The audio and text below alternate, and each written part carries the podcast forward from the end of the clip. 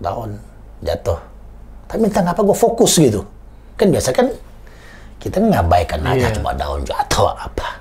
Tiba-tiba gue lihat daun ini jatuh kira-kira setengah meter sebelum jatuh ke tanah. Tuk! Uh, jadi lutung. Ci, kalian ke tolong bawa turun ke bawah aja. Gue di sini nunggu. Nanti kalau mau jemput, jemput gue di sini. Oh nggak bisa. Mungkin gue rasa 10-15 menit ini nggak nyampe kali. Tiba-tiba teman gue yang bertiga nih.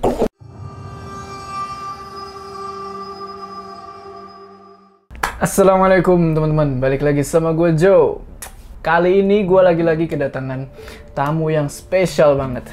Kalau kemarin kita kedatangan Bang Heru, sekarang kita kedatangan temennya yang punya pengalaman gak jauh ngeri dari Bang Heru kemarin. Pak Ci, apa Siap. kabar Pak Ci? Aduh. Wah, gue masker lu kita ya. Prokes. Jadi Pak Ci ini mungkin kalian belum banyak yang tahu ya. Jadi Pak Ci ini pendaki yang parah berpengalaman banget dalam hal pendakian. Udah banyak gunung yang beliau daki. Dan tentunya banyak juga pengalaman mistisnya. Nah sekarang Pak Ci ini mau menceritakan pengalaman dia sewaktu mendaki ke gunung gede. Pak Ci. ya, Gunung Gede. Hmm. Itu tahun berapa waktu itu? Mungkin 9495 kali. 94 atau 95. Nah, penasaran kan sama- sama ceritanya? Tonton video ini terus. Mode horor aktif. Ya, coba bisa diceritakan Pak Ci gimana tuh pengalamannya waktu itu? Ya pengalaman itu waktu kalau hitungan waktu itu kan kita masih kuliah ya. Mungkin sekitar tahun 94 95 lah. Eh, saya sekitar semester 3 apa 5 ya. Kayak- Karena kuliah 93 berarti 94 tuh bisa semester 3 atau 4 kalau 95 semester 5. Karena susah saya ingat tanggal kejadiannya. Tapi yang pasti sebelum tahun 96. Karena 96 itu saya sudah ikut eh, pendidikan tentang alam terbuka. Kalau pasca 96, tanda petik, udah jagoan lah naik gunung. gitu. Jadi gampang batas gitu. Yang sengsara tuh pasti sebelum, sebelum tahun 96. Gitu. Jadi cerita itu bermula kayak ketika di kampus, kita ngobrol. Apalagi zaman-zaman itu umur kita baru 21-22 tahun kan. Kita kalau naik gunung tuh kelihatannya kan gagah gitu. Bisa ganteng sekampus habis turun gunung. Tapi saya ingat waktu itu habis turun dari Gunung Salak, kalau salah. Kalau tidak salah ya. Gunung Salak yang waktu saya da, naikin dari Curug Nangka. Itu turunnya waktu dari Curug Nangka itu saya merayap tuh. Dari Curug Nangka terus merayap ke bawah. Nah, istirahat dua minggu setelah itulah kita naik itu, ke Gunung Gede. Niat kita pertama itu memilih Gunung Gede kenapa? Karena pertama treknya mudah, tidak begitu susah lah. Kemudian tidak parah seperti naik Gunung Salak dan Cerme. Ini informasi teman-teman. Karena waktu itu saya naik Gunung Gede yang pertama itu 94 itu. Karena kalau naik Gunung Gede yang kedua nanti saya itu bertiga. Kali ini ini 14 orang loh naik ini. Ini rame 14 orang. Kita kita rencanakan di kampus. Kita naiknya pada hari apa? Saya ingat naiknya Jumat Sabtu Minggu mungkin ya. Karena hari libur. Karena kan kita ambil libur kuliah juga. Rencana tiga hari dua malam lah. Nah, tiga dua malam. Karena saya itu saya kerja juga. Dulu waktu itu saya kerja daber. Oh, daber? daber. Oh, gitu. Ngisi suara. Oh, Ke dulu top itu. Kayak model Cassandra, Maria Mercedes. Jadi kerja malam, pulang pagi. Di Pondok Pinang dulu tuh. Nah, jadi harus menyesuaikan juga waktu kerja dan tik rekaman. Jangan sampai nanti kita jalan, nggak taunya studio lagi butuh kita ngisi suara, nah repot nanti. Nah, kita rencanakan waktu dengan matang. Sepakat kita naik gunung gede karena pertama hitungannya mudah pendakian, waktunya dekat. Dekat cuma ke Cibodas ya. Itu. Nah, kita data-data-data ya naik 14 orang lah. Ini pakai nama samaran atau nama asli nanti nih? samaran aja. Samaran. Takutnya ada yang nggak demen. Ini pada demen semua. kan saya ketua angkatan ya masalahnya. kan berani loh ketua angkatan. Jadi ya ini teman-teman sohib yang dekat lah.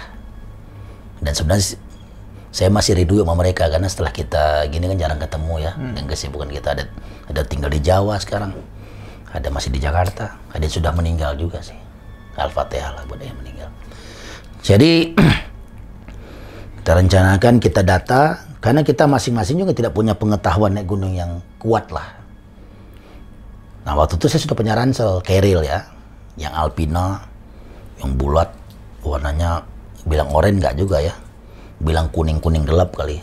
Sebenarnya ada satu teman, kalau dia naik jadi 15. Nah, dia nggak ikut. Dia baru meninggal kemarin tabrakan di dekat dekat selatan yang kebagusan ini. Dia nggak naik. Ah, dia itu yang paling hebat di antara kita. Karena dia udah punya Carril Carrymore saat itu. Carrymore tahun 90 nah, top itu udah. Dia beli 1,5 juta saya ingat zaman itu. Zaman itu Oh, bos. Kita dulu kalau dipinjam sama dia udah, udah kayak dipinjam apa sama dia itu pinjam. Dan dia lucunya yang paling gampang pinjam tuh gua juga sama dia gitu. Baik dia. Gua ketemu terakhir itu dua minggu sebelum meninggal. Dua minggu sebelum meninggal ketemu dia itu, si itu sudah hampir 20 tahun nggak ketemu. Nggak ketemu dia, baru dua minggu setelah itu meninggal. Dua hari sebelum meninggal malam telepon sama gue sekitar 2 jam 3 jam. Oh, sedih lah gue, yakin malam-malam gue datang. Nah, dia itu hampir mau ikut tapi nggak jadi. Almarhum ini, almarhum ini. Ya, kita bilang nama inisialnya Aji lah ya, Oke. gitu. Nah, dia nggak ikut. Carrymore pun nggak kita pinjam karena kita pikir kita nggak mau tas banyak juga. Ransel Carril saya itu kan yang Alpina itu itu ransel yang 90 liter, gede banget itu. Itu bahkan kalau seandainya kantong di atas kita panjangin, ini kan pakai ada slitting thread. Nah, atau kita tutup. Nanti kalau kita batas ke, batas kerilnya di sini kayak tabung, ini bisa kita putar, dikat. Nah, ini apa barang-barang kita masuk. Kemudian untuk bulatnya kita taruh kan matras, taruh barang kan, kan biar rapi ransel. Itu ada buat depek. Kita bawa tenda juga. Dan kita list, kita punya tenda tenda untuk naik, tenda untuk enam orang, nggak banyak sih. Itu kan 14 orang tapi. naik gila pokoknya nekat semua udah kemudian dari kampus kita bagi kawan sahabat saya nonton saya tahu udah saya kuliah di mana nah dari kampus saya itu pergilah kita ke stasiun Pasar Minggu itu stasiun Pasar Minggu naik kereta api itu biasa saja ya jam dulu kereta api tahu lah nggak kayak sekarang dulu itu mah orang berdiri di atas atap segala macamnya. Kalau kita bawa ransel, berapa biji ransel kita bawa itu. Sampailah kita di stasiun Bogor, ke Taman Topi itu ya. Situ sampai di sana, nyambunglah kita naik angkutan umum yang menuju Baranang Siang lah, karena kan bila ke, ke Jalan Tajur itu kita kan. Karena mobil yang menuju Cianjur, karena kan harus naik mobil Cianjur. Karena dari situ nanti sebelum Cianjur kita berhenti di Cibodas. Di bawah itu kan. Sampai Taman Topi, kita makan dulu sih di stasiun Bogor. Makan segala macamnya. Udah selesai makan, lalu kita naik, kita charter angkot aja waktu itu.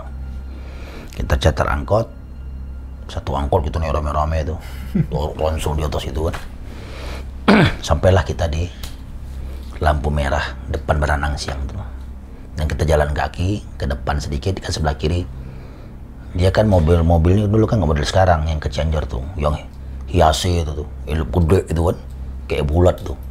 Kayak bus tapi kan mininya kan gede itu. Oke naik itu jalan. Sampailah kita di jalan raya puncak Cianjur. Nah itu berhenti di situ nanti kita ke kanan kan ke arah Cibodas. pertigaan itu nah, ya? pertigaan itu. Nanti turun semua segala macamnya. Jalan. Nah warung-warung itu kan ada warung-warung kita.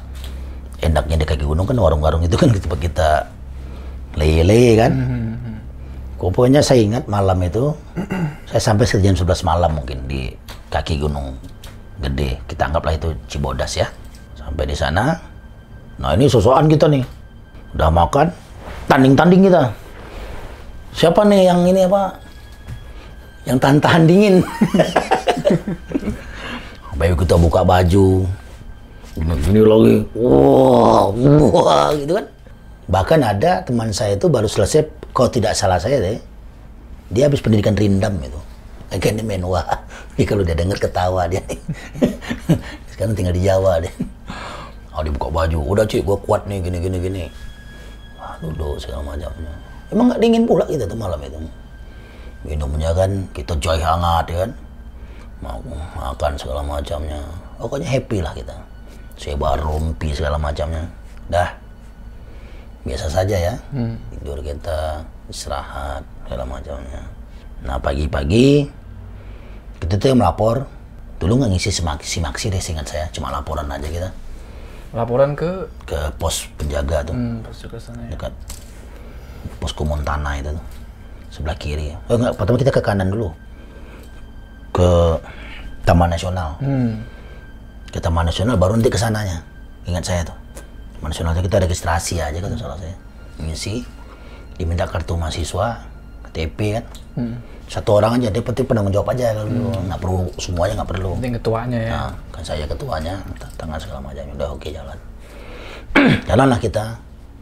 Hari itu Sabtu pendakian Gunung Gede jalur Cibodas. Naik kita. Nah dulu nggak ada tuh yang sebelum kita Rodenok tuh ada yang kayak sekarang papan-papan apa tuh kan. Nah itu nggak ada, biasa aja jalan. Tapi situasinya basah, jadi bukan hujan. Kenapa basah? Karena dia nggak ada hujan kan kabut. Nah sisa kabutnya kan tanah masih basah. Kita pagi masih kan basah, masih kan lembab gitu. Jalan-jalan, saya lupa nih ya, karena udah lama naik Gunung Gede. Pos pemantauan burung di kiri itu, apakah Reno atau bukan? Tapi pasti ya, di situ kita berhenti sebentar. Kita menjelang kandang batu itu kita ada dua kali berhenti berhenti kita di situ. nah, teman ada yang lihat di dekat pos pemantauan burung. Soalnya pemantauan burung apa ya? Atau salah saya. Nah, itu cowok berdiri.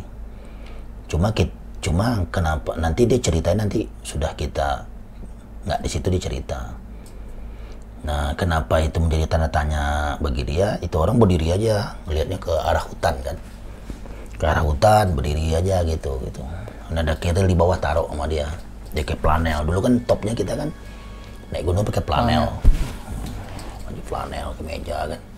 Jalan aja. Dia bilang Ci ada orang tuh dekat. Yang pos pemantauan burung dia kayak model. Tower itu kayak model kita bisa berdiri. Lihat mungkin pemantauan burung situ kali ya. Tapi itu orang mah? Manusia. Ya. bisa jadi bisa tidak. Karena apa? Kita saat pendakian nggak ada orang naik juga. Hmm. nggak ada dan nggak ada juga informasi bahwa ada juga yang mendaki di padang kalian nggak ada juga. Dia mencurigakan dan nanti kami sampai kandang batu kandang badak nggak ketemu tuh orang. Kan gitu kasarnya kan?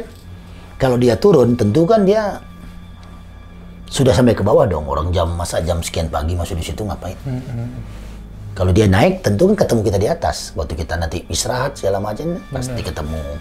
Karena kan jalur pendakian itu kan lambat laun pasti ketemu gitu. Karena kan karena fisik melemah pasti jalan lambat pasti ketemu. Kita nggak ketemu juga sampai turun tuh sama cowok itu juga jadi oh, bisa jadi bukan orang. Dah. Nah jalan kita terus. Sampailah di pertigaan curug Ciberem ya. Ciberem. dulu curug Ciberem itu bertiga gini kanannya ada pos. Terus kayak payung gitu. Kita duduk di situ lah. Nah teman saya melihat cik cik kenapa Lek? Turun apa rame ke curug Ciberem ngapain ya? Eh mana gua tahu gue bilang. Tuh lihat nggak oh nggak ada. Iya sih. Itu pakai banyak pakai baju-baju model-model kemben-kemben gitu deh. Wah lu ngayal lu. Serius ya? Kalau istilah anak sekarang kan halu. Kalau kita dulu kita dulu kalau ngayal fata morgana lu. Ah, gitu kan. Kalau sekarang istilahnya halu kan. Ya udahlah jangan dipikirin lah. Oh kita kan nggak ke Ciberem gue bilang kita kan jijik ke kiri itu kan kanan. Kan gini dia. Ya udahlah jalan kita jalan. Singkatnya sampailah kita kandang batu. Nah kandang batu itu dulu yang waktu kita nyebrang di airnya itu kan di kiri itu ada posnya tuh. Baru air panasnya tempat kita kalau biasa orang kalau turun dari gunung gede nyuci-cuci badan di situlah kalau di kandang badan nggak sempat. Karena airnya hangat enak sih. Kadang kita mau orang masak di situ. Nah kita kan jalannya meniti itu tuh kayak model air tuh lewat kan. Kan kanan kita tebing nanti. Iya. turun dan jatuh tuh kan. Kita lewat pelan-pelan. Karena kalau tak salah belum lama dari kamera itu ada kejadian orang jatuh di situ. Dia katanya dengar suara cewek manggil atau apalah pokoknya jatuh lah situ. Nah, pas kita jalan pelan. Nah kan di balik pos itu kan, kalau pos itu kita anggap ya ini tempat duduk ya, ini kan dinding, ini dinding belakang, ini dinding, kita kan dari sini, ya kan? Ini kan air yang tempat orang mandi itu, dia kayak model takung ini kan ada pohon-pohon. Kita jalan ke sana nih kan, tebing di kanan kita dong, ini kan batunya licin-licin nih, air lewat nih. Nah di balik tak batu ini, pas kita lewat, kan 14 orang nih ya, iseng ada yang lihat samping teman saya nih. Wah, ada cewek berdiri. Cik, cik, ada cewek. Wah, lo cewek mulu. Kita ini ada teknik semua. Jadi kalau cewek itu udah kayak model apa aja, lapar kita nih ya. Padahal aku pun kagak. Wah, lu mau saya sih. Nah, gue lihat. Tapi dia ngadapnya ke arah air itu. Air panas tuh. Jadi kalau ini nyampe ini batu dinding itu ini jalur kita dia bukan ngadap gini kalau ngadap ini ketemu di jalur nih pandangannya dia ngadap ke sana nah, kan begini dia ngadapnya itu. Nah, ini kan air itu. Yang gunung gede itu dia ngadap ke sana aja kita lihat samping sini kan. Karena penasaran kita lihat ke belakang juga. Nih lihat belakang tuh tuan saya karena saya paling belakang. Terus kita noleh begini. Dia mau noleh juga. Hitam matanya semua. Semua. Hitamnya ini kalau mungkin ya kalau sahabat channel Persuju pernah lihat lukisannya almarhum almarhum Yarham Jaihan itu motonya hitam semua tuh. Kalau dia menuliskan ah kayak gitu hitamnya tuh. Dia pakai planel ingat saya tuh dasarnya putih, planel yang belang bukan kotak-kotak. Dia pakai celana krim coklat, nggak ada ra- ransel apa, dia mungkin ransel kali taruh di bawah kan. Dia nggak ada sana waktu dia belum menoleh kita berpikirnya kan ada menunggu cowoknya kali entah cowoknya buang hajat atau mandi atau apa gitu. Karena memang tempat itu orang yang bersih bersih badan pas dia menoleh. Uh, subhanallah astagfirullahaladzim Allah. Jalan kita terus. Aduh subhanallah. Oh, kita kita baca baca baca tahlil kita tahlil tahmid kita. Subhanallah subhanallah subhanallah. Gitu gitu gitu coba jalan nih Ya lain dia nanya, ada apa sih? Enggak ada, kita berdua. Ya, kita berdua doang lihat. Ya, biasa aja udah. Sudah jalan jauh, nah, baru kita istirahat. Kalau istirahat sekarang break, kita malah tuh break tuh nggak ada lu. Istirahat istirahat aja namanya udah. Bahasanya mulai istirahat, istirahat, duduk kita. Kita duduk kan. Nah, keluarkan minuman. Nah, kita minuman dulu simpelnya, kita buat model jerigen. Jerigen tuh 5 liter lah. Kita isi air, dua orang yang bawa. Selain kita bawa botol-botol aqua yang kecil. Nah, kebiasaan kita dulu naik, kan dulu kan ada, sekarang sih masih ada jual madu rasa Madura sama. dan nutrisari. Hmm. Nah, itu kan untuk apa? ah, tenaga asum apa untuk mengisi cairan tubuh. Nah, itu sering kita bawa tuh. Sama kalau permennya kita gula Jawa, gula aren ya, gula aren. Gula merah gitu. Gula merah tuh. Itu beli banyak tuh. Nah, itu lelah kita tuh karena kita ini kan bukan pendaki pada dasarnya. Fisik pun nggak ada persiapan. Sempat ngobrol, ngobrol biasa saja. Tinggal ngobrol. Kenapa sih? Ada apa sih kalian gini-gini tadi ya? Teman lain nanya. Enggak, nggak ada apa-apa. Loh ini, ya nama juga kita jalan tempat-tempat begini, apa yang kita bisa baca-baca lagi ya perjalanan kita aman dan selamat lah. Gitu. Oh ya udah, nggak jalan lagi, yuk jalan. Sampailah kita ke kandang badak ya, Hmm. Yang badak. kandang badak. Hasil itu kita istirahat, karena itu hari sudah siang lah, mungkin jam 1 atau jam 12 kali ya. Sudah kandang badak itu, nah ini teman-teman perlu juga pelajaran. Kita ini saking nggak ngerti deh, udah kita butuh Indomie. Beli Indomie satu dus besar yang isinya berapa tuh? 40 atau berapa tuh? Beli dua dua kotak dibuka dari kotaknya lalu masukin ke keril semua. Bawa kompor parafin. Beli parafin 6 kotak atau 8 kotak saya ingat tuh. Kan satu kotak parafin isi 8 itu. Bawa. Kemudian kita minumannya kita bawa peples dulu peples itu bawahnya itu ada model seng jadi bisa di- ditarik bawahnya itu bisa jadi pegangan, jadi cangkir, bisa masak indomie, besar lah lumayan. Tinggal parafin hidupin. Kita bawa kompor gas juga, kompor gas masih pakai selang itu. Nah kalau mana terlalu dingin nggak bisa hidup. Mana kompor gas itu. Kompor gas itu. Kalau sekarang nggak tahu lah, sekarang banyak ya pilihannya, spiritus lah ini lah, Iya. macam-macam lah. Pokoknya nyaman aja pokoknya. Padahal parafin itu pelantang standar harus punya aja benar satu kotak kalau naik gunung. Oh gitu. Iya dong, itu standar. Standar kita survival kit kan itu. Lu kan parafin bisa bikin api unggun, bisa macam-macam. Gitu. Dipotong dikit-dikit itu bisa hidup api. Jadi kalau naik gunung itu ya minimal sudah parapen satu kota tetap buka stok. Korek api juga hati-hati. Korek api gas itu kan nggak mudah menyala. Nah dulu kan dulu kan beli roll film ada kotaknya tuh. Nah kita simpan korek api yang batangan dalam itu. Sama pemantiknya yang dirobek simpan dalam itu juga. Jadi kalau mau hujan mau apa, korek api kita aman. Nah itu kita bawa. Walaupun dah modern modern sekarang sebenarnya peralatan standar itu kita harus bawa. Kita nggak terjadi apa-apa kan. Itu standar kok. bawa sama pisau lipat ya. Tinggal tahu sekarang boleh apa enggak. Tapi ya sampai hari ini saya naik gunung saya minta sama si bawa gue pisau pinggang saya segini. Masih boleh Pak Ci. Gitu. Golok panjang.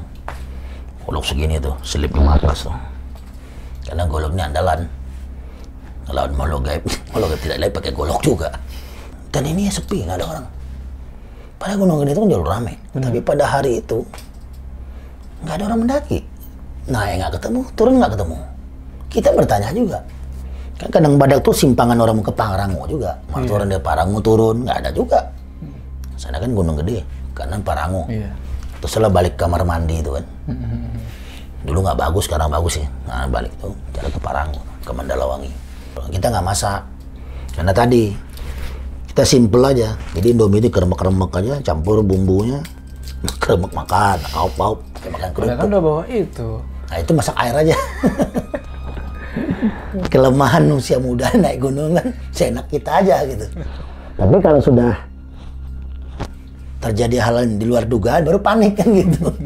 Tapi kalau sebelum ada hal dugaan, nah udahlah biasa aja kan gitu. Nah, dan biasalah ya. Naik gunung itu ada juga. Zaman dulu ya saya nggak tahu yang sekarang ya. Maksudnya saya nggak pernah naik sama anak muda zaman sekarang, saya nggak tahu bawa botol gepeng mention itu dibawa itu taruh di jerigen kecil ke RT orang lihat kan belum lagi bawa yang kalau saya kalau gue sih nggak merokok ya lah teman gue tahu gue tuh nggak pernah merokok ya boleh yang merokok ya bawa tumbuhan-tumbuhan itu kan. Yang dari ujung Sumatera datangnya. Bawa itu kan. Nah, ya biasa lah ya normal aja. Masih Ya, cuma tadi yang anehnya di pos pemantauan burung sama kandang batu. Yang cewek itu. Ah, kandang batu cewek itu memang kita yang lihat sendiri. Maksud gua lihat sendiri itu. Jalan kita terus akhirnya setelah istirahat kita jalan sampailah kita di tanjakan setan tuh ya mau puncak gunung gede kan kirinya bisa nyisir juga. Nah yang kiri ada juga ngambil kawan ada yang ke kiri. Ada kawan yang yang agak expert di antara kami lah saat itu ya. Anggap aja namanya Ali lah. Nah dia duluan dia pakai pelipir. Yang lain udah kita nggak usah pelipir kita naik. Oh, tantangan kan? Tanjakan setan. Oh, jangan setan. Jatuh dua orang tuh, brrr, jatuh ke bawah.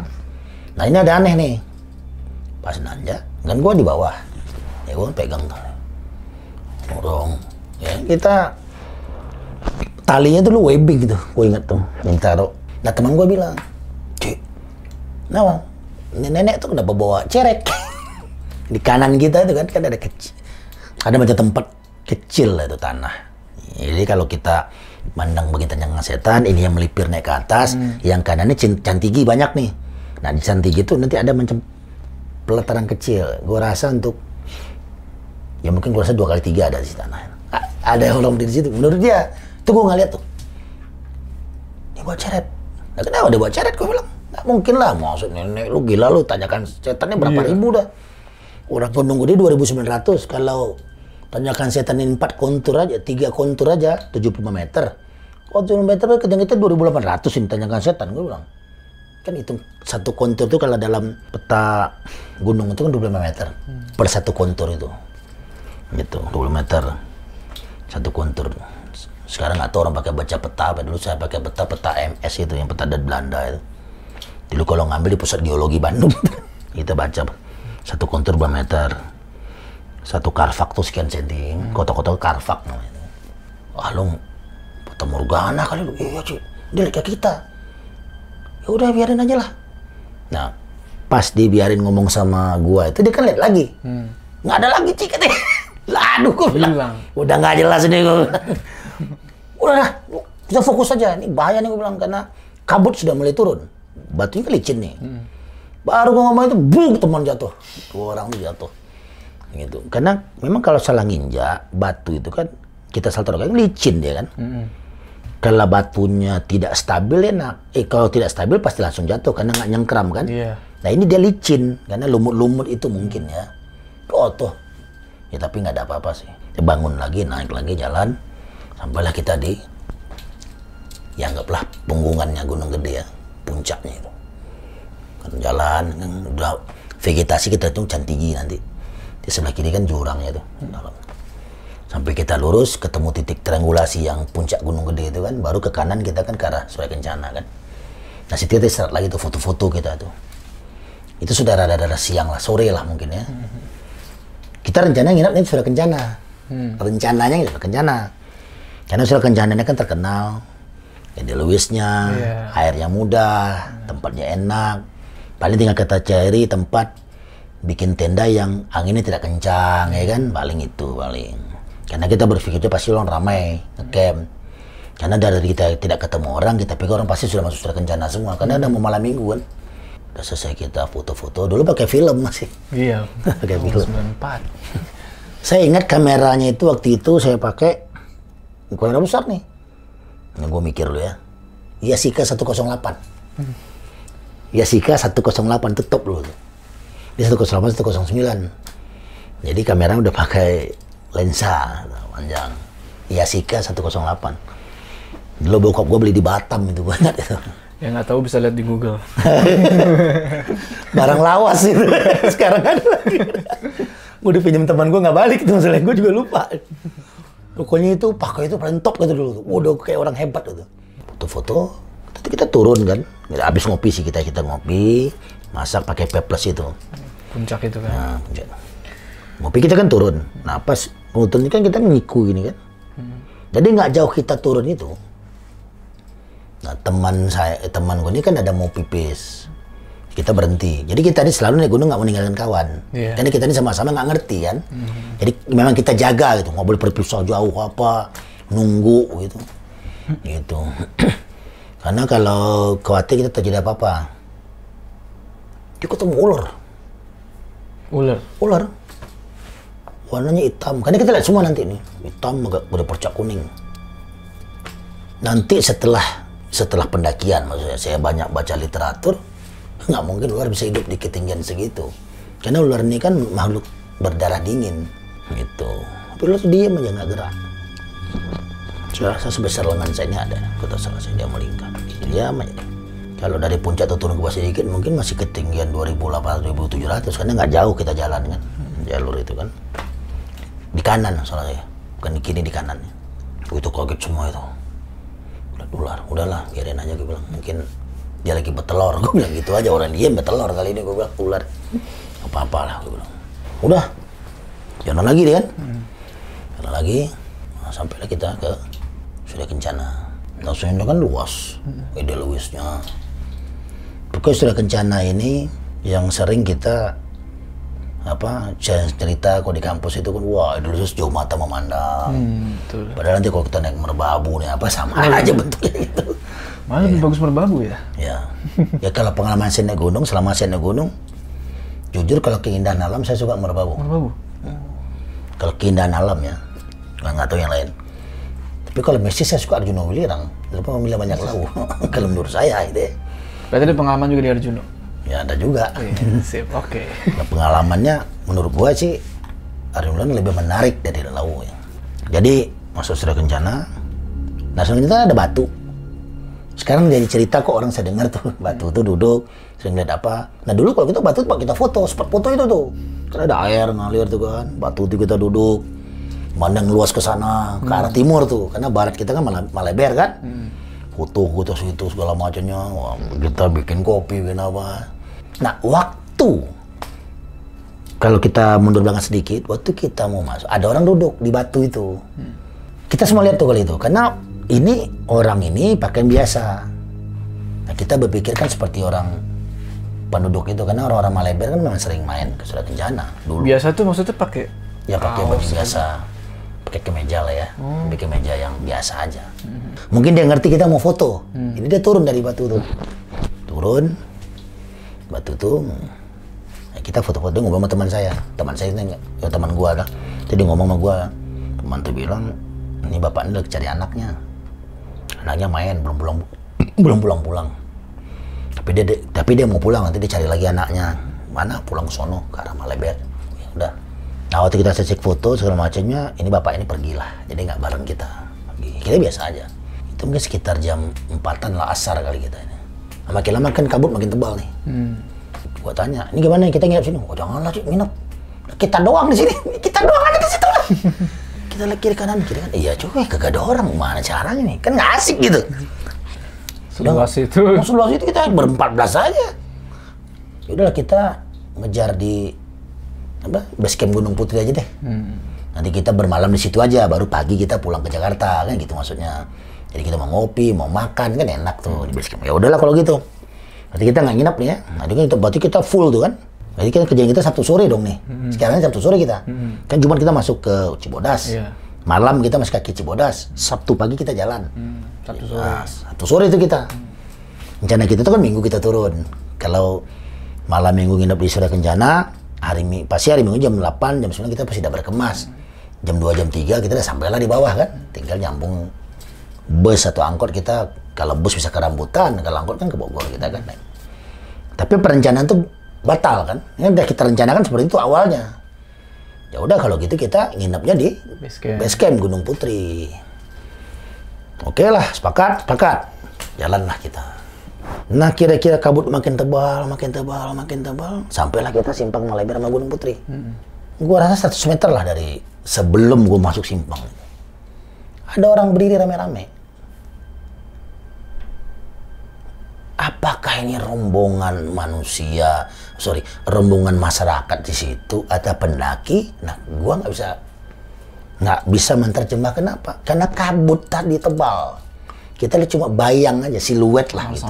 Gitu. Tapi ada begini berdirinya, karena kelihatan kan? Kan kalau ini tangan begini dia ada Ada yang begini. Orang berdiri itu. Biasa saja kita lihat. Tapi kan dia kan orang dewasa, maksudnya tidak ada anak kecil gitu. Tapi nggak ke arah kita. Ini masih kebayang sama gua nih, gondrong. Ada yang gondrong ya. Berdiri belur rumah gua tuh. Ya kan? Iya kan? Gua gua gua gua tuh begini aja. Begini. Kan dulu dia kan anak pendaki gunung kan gondrong, maco. Keren lah pokoknya. Keren gede-gede. Tapi karena kita berpikir positif, kita jalan aja. Kita ke kiri ya. Cuma kita saling lihat. Nah, gua hanya jawab aja, udahlah jalanilah. Itu biasalah penduduk kali. Dia mungkin lagi istirahat atau lagi berdiri. Padahal itu pandangan ke arah kita. Jadi gua kan, ini kan gua, gua positif aja gitu. Iya. Nah, kalau gua pikir, itu lu mati kita nih, bahaya gitu. Wah, dia bisa kabur semua gitu. Iya kabur 14 Kalau orang. 14 orang lari ke belakang, lari ke sana kan gimana cari teman kita lagi? Bener. Orang nggak ada jalan itu mau lari ke mana? Sampailah kita apa namanya sekateng puncak kateng apa gue lupa kateng apa itu sebelum buntut lutung sekateng itu istirahat kita ngobrol biasa aja masih kita bahas bapak-bapak tadi yang kita ketemu ular nenek-nenek tadi. Kemudian kita bahas bayangan-bayangan yang kita lihat. Bayangan itu kita kan seperti nyata. Nggak bisa kita bilang tuh hantu atau apa juga. Karena kayak manusia aja. Itu cuma kita lihat keanehan. Nggak ada orang mendaki selain kita itu yang ada perasaan kita yang aneh. Kok nggak ada orang mendaki selain kita ya? Atau kita pindah alam. Gitu. Padahal gunung gede ini kan gunung paling ramai pendaki. Di Indonesia itu tingkat pendaki gunung pendakian gunung fluktuasinya itu itu tertinggi gunung gede. Itu Sampai sekarang. sampai sekarang. Itu Singgalang. Maka Singgalang sama Gunung Gede jalur pendakian sama besar dan lebar. Sama kayak Singgalang. Dan maaf orang yang hilang Singgalang atau Gunung Merapi itu banyak kan hilang di jalur. Gitu. Padahal ada lagi kejadian hilang di Singgalang tuh dia hilang di jalur. Turun kabut Hilang. kabut hilang dia hilang. Temennya bingung dia kata mana sampai sekarang tuh nggak ketemu. Ya pokoknya kita berdoa lah kepada orang-orang gagah yang meninggal di gunung ya kan? Baik hilang atau ditemukan mereka gagah dan berani mendaki mendaki puncak-puncak keberanian yang mereka harus miliki. Dan insya Allah mereka surga itu. Amin. jadi sampailah kita di skateng tadi kan istirahat. Nah, ini kelemahannya kita ini tidak punya ilmu naik gunung itu. Kenapa? Ya kita makan tadi Indomie kering, campur-campur kerja-kerja-kerja makan kayak kerupuk. Padahal kalau kita rajin sedikit, masak air, rebus, Indomie dimakan, airnya ngangetin badan. Nah, itu kan ilmunya itu. Walaupun cuma makan Indomie, tapi ada energi. Nah kita kan maunya simpel aja, udah kerebek-kerebek aja minum. Minumnya kopi, teh doang kan gitu. Itu Nutrisari kan makin dingin juga. Iya. Sama madu rasa campur apa air aqua tadi kan, itu kan dingin. Nah itu aja modal kita. Padahal berkegiatan dalam alam terbuka nggak bisa sesimpel itu gitu. Itu akan membuat banyak kejadian-kejadian kecelakaan atau hal yang tak diinginkan sering terjadi karena kita terlalu menganggap remeh situasi suasana yang, yang akan kita hadapi. Akhirnya kita mulai lagi makan seperti itu cerita. Cerita itu kita, mengulas saja gini-gini udahlah. Kesimpulan kita nganggap mungkin yang kita lihat itu semuanya ada yang menyampaikan sama kita dia ada. Gitu. Nah kita jalan. Kita jalan. Nah ini lebih serunya. Udah satu jam setengah jam mungkin jalan sampai kita di buntut lutung. Saya rasa hampir semua orang tahu buntut lutung itu ya di Gunung Putri. Dan kenapa nama buntut lutung pun saya juga nggak gue juga nggak tahu kenapa nama buntut lutung. Di buntut lutung itu istirahat. Jadi kita ini punya ah, punya planning pokoknya setiap satu jam jalan 15-20 menit istirahat. Walaupun kadang-kadang istirahat bisa 30 menit juga istirahatnya. Ah, tapi itulah kita karena dari 14 orang ada 2-3 orang agak pengalaman naik gunungnya dari gua waktu itu. Ya dia pernah naik gunung salak ada pernah naik gunung gede. Nah, dia yang ngasih tahu nah kalau kelebihan gue cuma bisa leader mereka aja. Itu ngambil keputusan cepat gitu. Dianggap orang tuh begitu kan ke kawan-kawan. Mungkin sampai hari ini kali. Nah ada buntut lutung lah. Subhanallah ini ceritanya. Nah kita kan kalau duduk keril besar itu kan kalau kita duduk langsung tak langsung keril gini kan. Iya. ada gini nah kan lemes nih kan. Gue pakai ikat. Gue pakai kaos dong untuk kaos warna oranye gue ingat itu. Basah. nah, itu di antara tidur jaga kayak kita tertidur sebenarnya kan. Ah, asik kan? Karena itu waktunya itu antara sore dah menuju malam. Karena masih terang menurut gua. Karena sore menuju malam nanti bentar lagi gelap. Nantinya setelah perjalanan berikutnya ya. Kan angin kuat tuh. Embunnya kabutnya nggak begitu tebal. Daun gugur. Lihat mah kita. Biasa aja yang ngobrol-ngobrol dua tiga orang meriung ngobrol. Nah gua ini ngeliat lah daun jatuh. Tapi entah kenapa gue fokus gitu. Kan biasa kan kita ngabaikan aja Iya. cuma daun jatuh apa. Tapi kok daun itu menarik ya. menarik kan? Tiba-tiba gue lihat daun ini jatuh kira-kira setengah meter sebelum jatuh ke tanah! Uh, jadi lutung. Subhanallah gue bilang itu kok jadi lutung gitu jadi lutung itu langsung jatuh pup ya cek lutung jatuh. Hmm. nah kenapa gua tahu lutung jatuh? Buk bunyi nih. Ini kalau di kampung gua dulu gua ini suka nembak zaman gua SMA gua pernah nembak lutung tuh nih jatuh. Gua ini jago nembak loh. Lutung jatuh pam tuh biasa. Gua ambil gua pelihara. Udah sembuh gua lepas biasa. Jadi gua dulu punya lutung gua punya terenggiling di rumah gua dulu tuh di kampung. Karena gua jago nembak jadi gue paham betul lutung gitu. Kenapa gue tahu lutung bukan monyet? Karena gue paham betul lutung. Lutung tuh hitam, ekornya panjang. Pokoknya kalau orang di kampung gue tau lah tentang lutung dan tahu gue pasti gue suka nembak. Gitu. Itu lutung bukan monyet.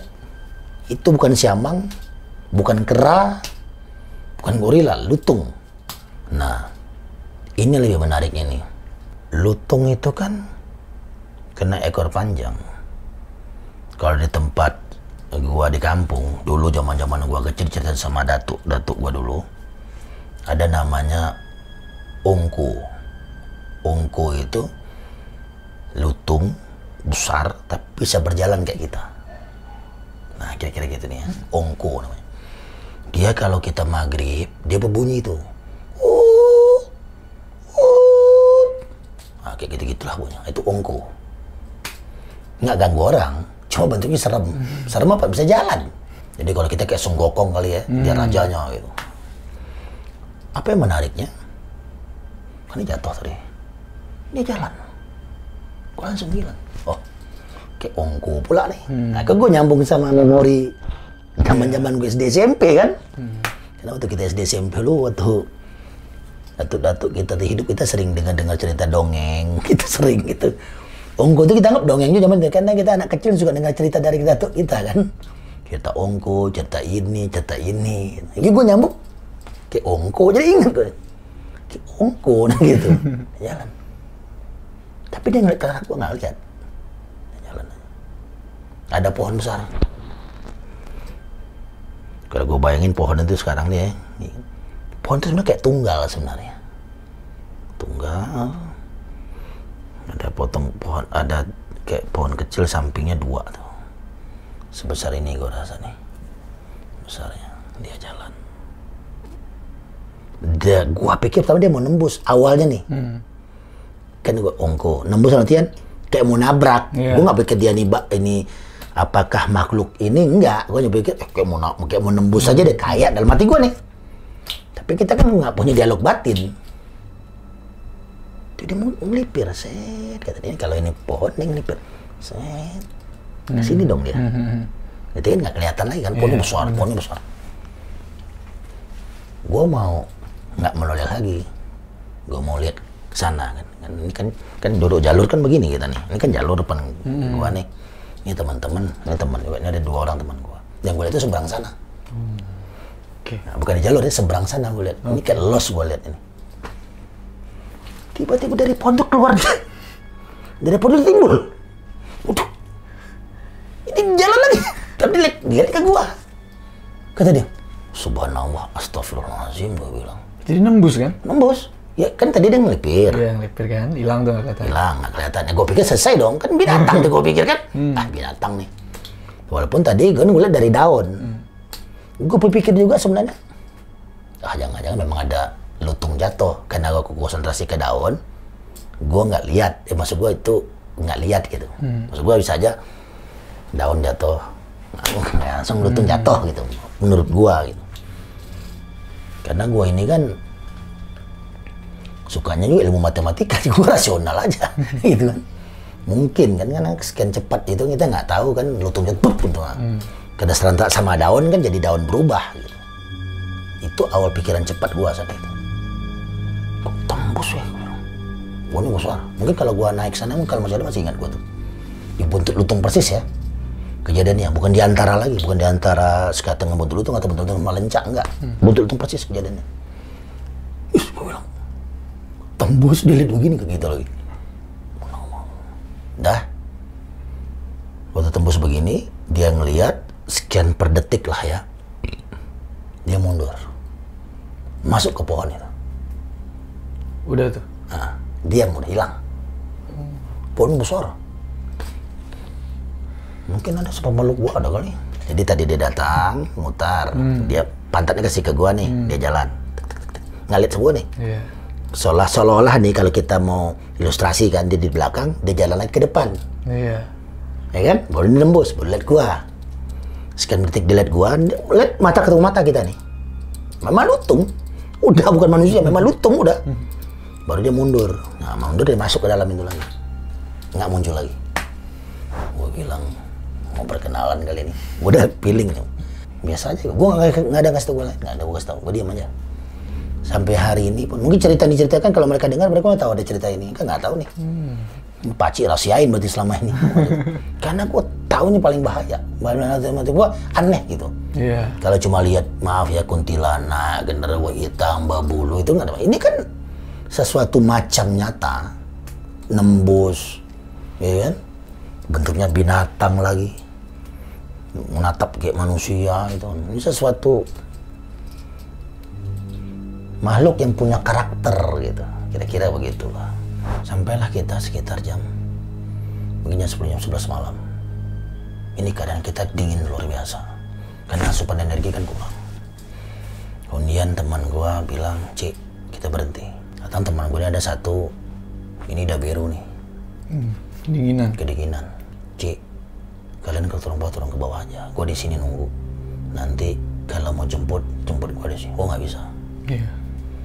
Gua bilang, kita ini Navy SEAL bahasa gua. Kita kan gagah-gagah pokoknya kalau mat- kalau teman satu satu sama-sama kita menderita teman senang sama-sama kita senang Gitu. kita nggak boleh teman tinggal boleh tinggalkan teman di medan di medan-medan latih kalau istilahnya di medan latihan kan nggak boleh kita tinggal kita harus tetap bersama. Jadi gimana keputusan lo kita nginap di sini. Ya udah nah ada macam rumah. Dulu mungkin rumahnya perhutani sekarang nggak ada lagi sih. Tapi kalau yang orang lama dulu mungkin mungkin sampai tahun 96 97 mungkin tahun 2000-an masih ada. 94 95 96 97 gue masih nunggu gunung gede itu masih ada 96 tuh gue ikut gunung gede gue ngesar tuh dua minggu gue di atas. Mungkin tahu tuh sar di gunung itu tahun 96 sarana Aika kawan-kawan GPO atau Montana tahu tuh kejadian itu. Dan gue juga masih anggota muda di perhimpunan yang gue ikuti tahun 96 itu. Tugas gue sweeper tuh setiap hari itu waduh. Itu tim sar tim sar aja kita evakuasi ya. Tim sar ngap- ngaplek ngaplek juga. Aduh itu 96 kalian dengarkan cerita ini tahu tuh sarana Aika ya Al-Fatihah juga buat almarhum. Itu gagah juga tuh. Turun dari Gunung Semeru langsung naik Gunung Gede dan menemukan titik puncak keberanian dia di Gunung Gede. Dan dia meninggal di sana. Ketemunya di punggungan Gunung Gede di bawah di jurang kembali pada cerita kita rumah itu dia panggung ya. Gue ingat itu. Panggung pakai batu batu segitiga. Kemudian ada teras karena ini kan papan ada teras di sampingnya warnanya hijau salah gua. Ada jendela. Kalau kita dari putri ke naik di sebelah kiri kalau kita turunnya di kanan. Kanan. hinap karena kita tendanya untuk enam orang 14 tentu kita lebih efektif di dalam dong. Kita bersihin. Dia ngopi-ngopi ini malam jam 11 nih 10 mulailah kita tidur karena lelah kecapean mungkin gua rasa 10-15 menit ini nggak nyampe kali tiba-tiba teman gue yang bertiga nih udah kita nggak usah tidur sini nggak usah tidur kenapa? Udah lu kita pindah pokoknya eh kenapa? gue bilang. Kita kita keluar semua dari rumah itu. Ada apa sih? Kita pindah sih udah udah kita pindah. Lah nanti cerita dulu kita pindah. Waduh gue bilang. Ya udah kita pindah gue bilang. Gue langsung nangkap sesuatu lah ya tapi kan nggak mungkin. Gue jelaskan Situ. di situ ramai kan. Udah kita keputuskan tidur di jalur pendakian kita turun ke bawah sedikit padahal dalam pergi ke dalam terbuka dan mendaki gunung itu paling pantang tidur jalur pendakian karena pertama kota jadi apa-apa evakuasi emergensi gimana orang mau lewat Iya. tenda kita melintang di tengah itu kacau gitu. kalau ada lagi tuh naik orang-orang Ranger. ranger atau apa tuh yang relawan tuh wah kena bisa kena push up itu kena denda kali itu. Nah kita buka tenda. Gue ingat tenda kita tuh merah putih lah. Putih putih krem masih top tuh tenda dom tuh masih keren itu. Baru-baru keluar tem teman gua yang sering naik gunung ini yang gue bilang nama Ali ini dia punya itu. Dia abangnya pendaki juga. Tapi nggak bisa nginep kita dalam rame kan nggak muat. Iya. Terus orang. Nah, teman tadi yang sudah hip, yang dingin tadi, temen harus di dalam dong.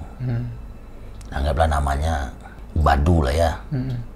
Nah, Oke, kita bagi. Yang masih kuat siapa? Kita kan harus bicara dari diri kita, nggak bisa kita tunjuk karena kita nggak tahu kemampuannya kan. Bener. Iya. Datang ke tent satu, oke, Cik, gua siap masih di luar. Oke, siapa lagi? Oh ada lagi, udah kayak akik gua bertiga di luar. Udah, di luar. Kan itu kan basah. Karena kan ada gerimis-gerimis kecil, embun gitu kan bikin basah kayu, kita bikin api unggun susah. Gitu. Akhirnya indomie kering itu kita bakar. Warna apa? Bungkusin plastik kita bakar, kaos kaki kita bakar. Kan ada bawa sandal sendal swallow itu kita bakar, biar ada api, biar hangat ini dalam tenda tuh yang tidak kedinginan kita taruh dulu di luar terus masuk ke dalam nah, ternyata dua orang kayak gini bibir biru nih semua nih wah gue takut juga kan waduh kalau gini nih bahaya juga nih kan? Nanti jangan sampai terjadi apa-apa anak kita kan pasti susah urusannya kan? Apalagi berkaitan sama nyawa orang.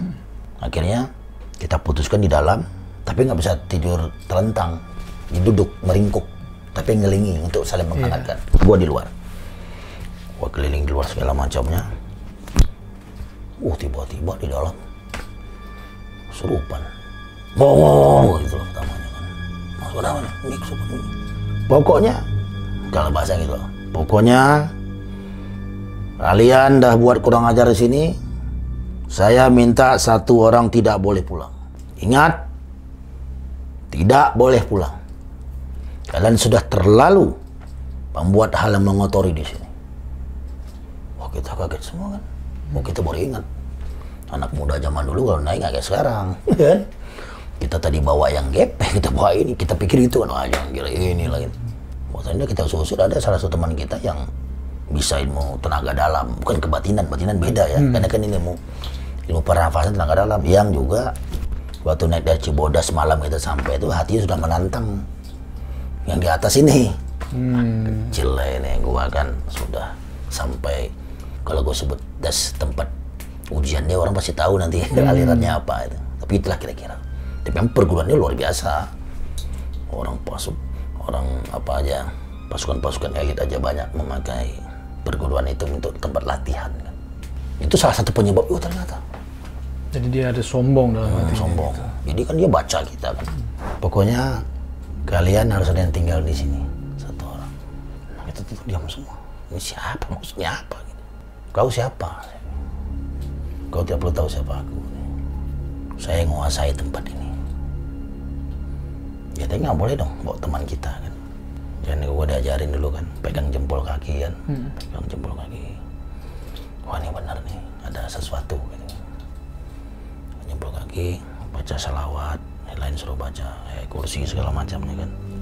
Dia cuma ketawa aja nyengir gitu kayak sombong gitu nyengir gitu, gitu kan. Masalahnya apa? Gue bilang. Nah kalian pokoknya melakukan hal yang tidak kami inginkan. Kalian sombong dan kalian juga terlalu meremehkan keberadaan dia lah maksudnya. Karena kan mau melogai ini kan susah menerjemahnya kan ya. Dia tersinggung kita nggak tahu dia tersinggung. Memang kelihatan. Kadang bingung gitu. Kan dia kan menunjukkan eksistensi dia kan. Dia ada kan itu intinya dia. Nggak bisa oh, harus keluar dari badan ini gini oh, enggak saya nggak akan keluar saya akan minta satu kalian tinggal sini yang lain silakan pulang. Satu dia nggak sebutin siapa cuma minta satu aja minta. Siapa aja Nanti gitu. siapa? aja bisa siapa aja dong. Oh, itu gua kan, nah selalu kebiasaan gua itu kalau seandainya gua naik daerah-daerah yang hutan atau apa, karena dulu datuk-datuk gua udah ngajarin kita ngomong misalnya permisi, tapi ada bahasa Melayu kita ambil datuk, anak cucu datang, assalamualaikum gitu-gitu kan. Akhirnya gue ingat satu pesan, gue pegang jempol kakinya, gue betah betahmid kemudian gue baca al-falak tiga kali anas tiga kali kan. Baru gue bilang ginilah bahasanya sederhananya. Aku namaku ini ini bin ini ini bin ini ini gue sebut sampai tujuh.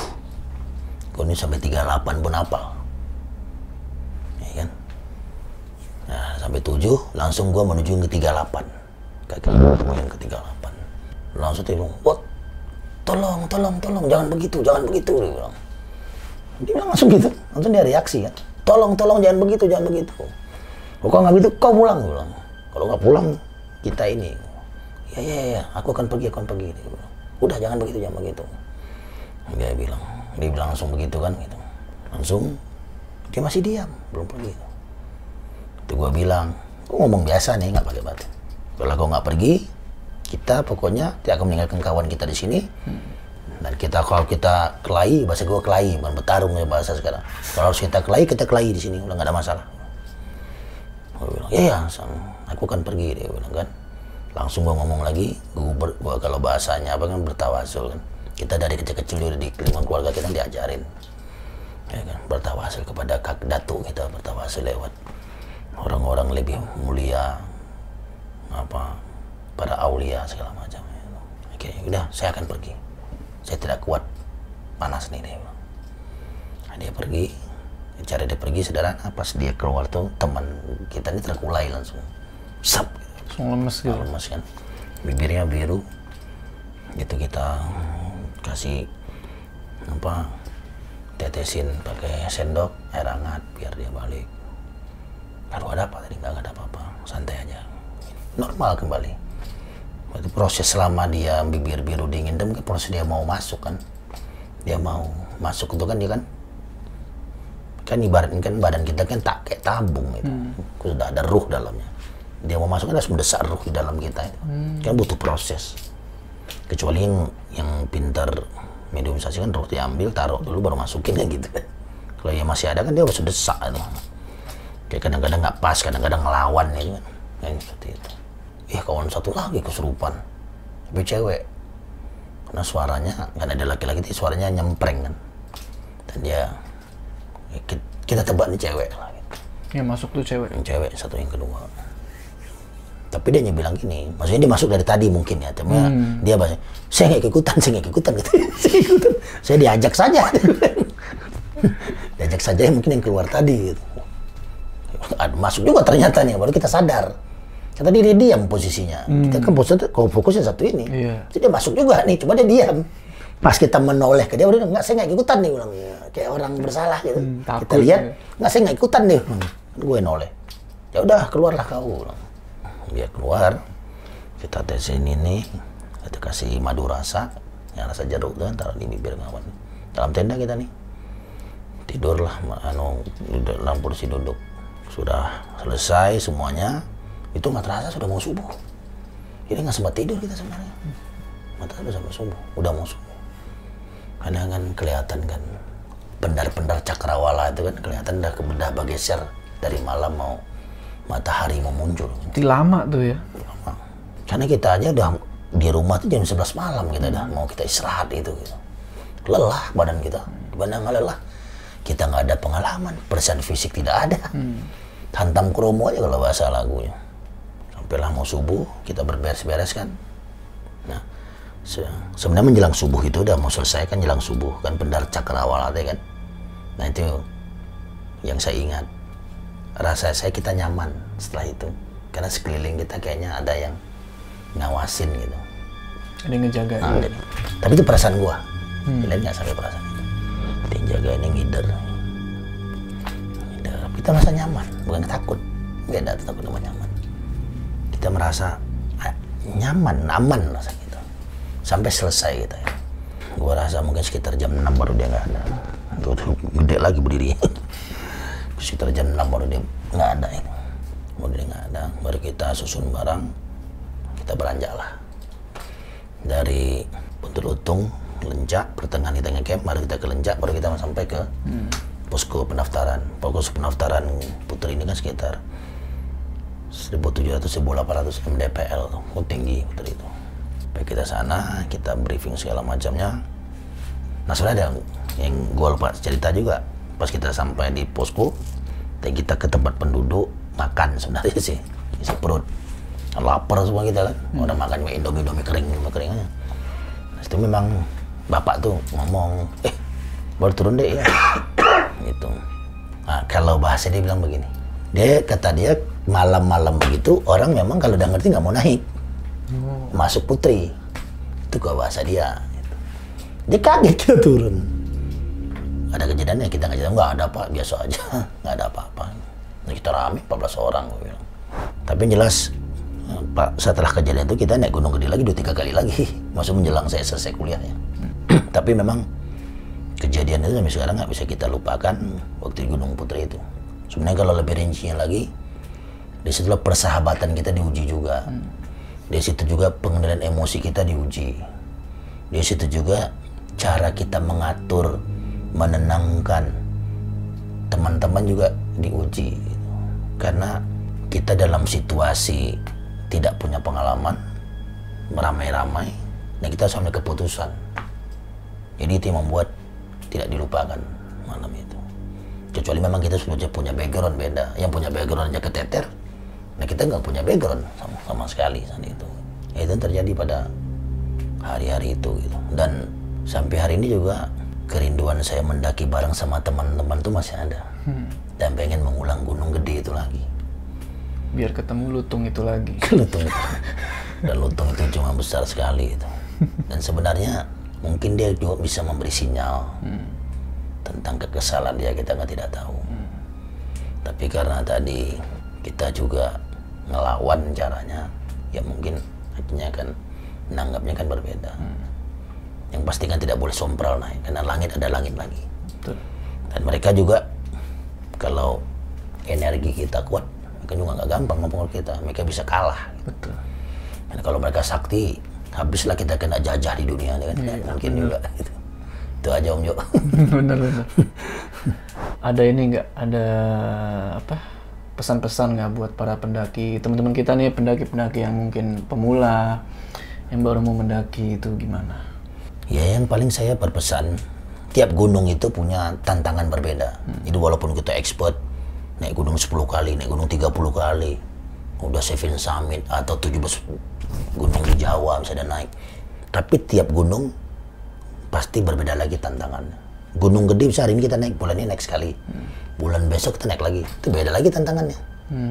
Fisik berbeda, tantangan berbeda. Sama aja kita tiap hari jam 8 pagi pergi kantor pun jam 4 sore tiap hari kita rutin kan hidup tiap hari tiba aja bisa aja tabrakan itu Iya, kadang kan berbeda Nggak bisa ditebak nah, gitu. ya. tebak. kemudian kedua persiapan penting perencanaan, perencanaan itu penting dan kemudian ya kalau bisa jangan solo hiking kalau masih belum pengalaman.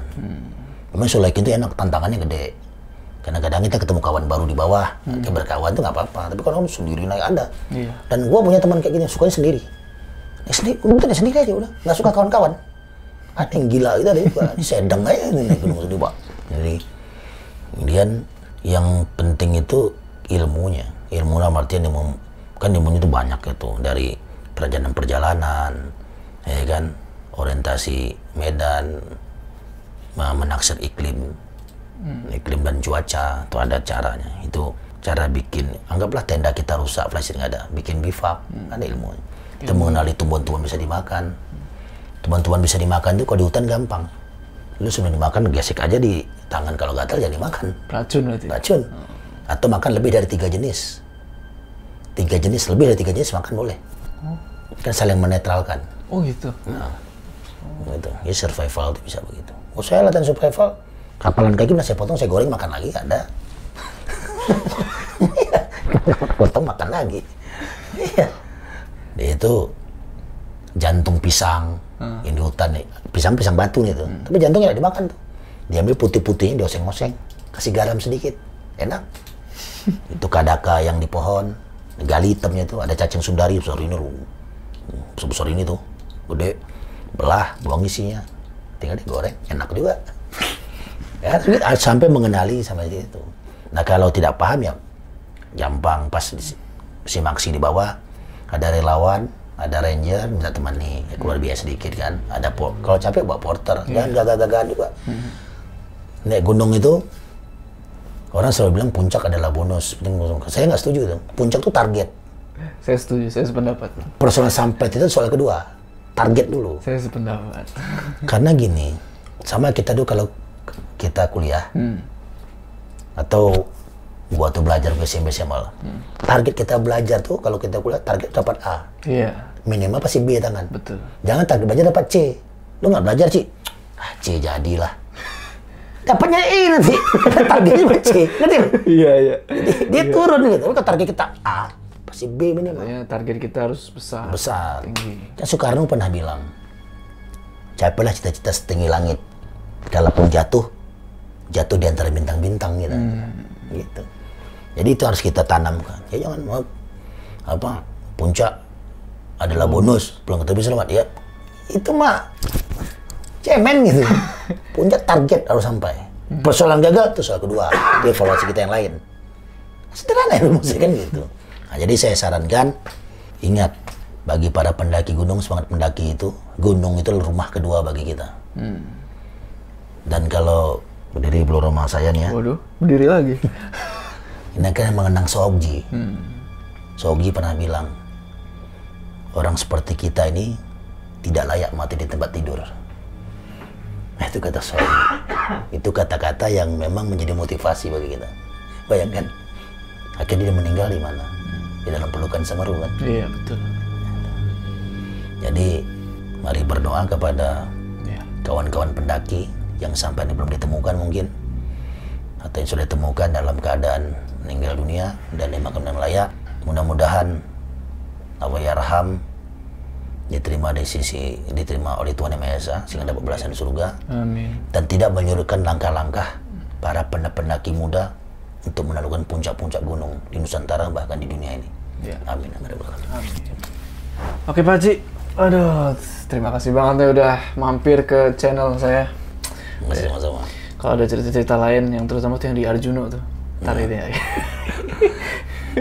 Tiba-tiba kita kaget. Jangan lupa subscribe ke channel ini supaya kalian gak ketinggalan kalau gua collab lagi, oke? Sampai ketemu di cerita selanjutnya.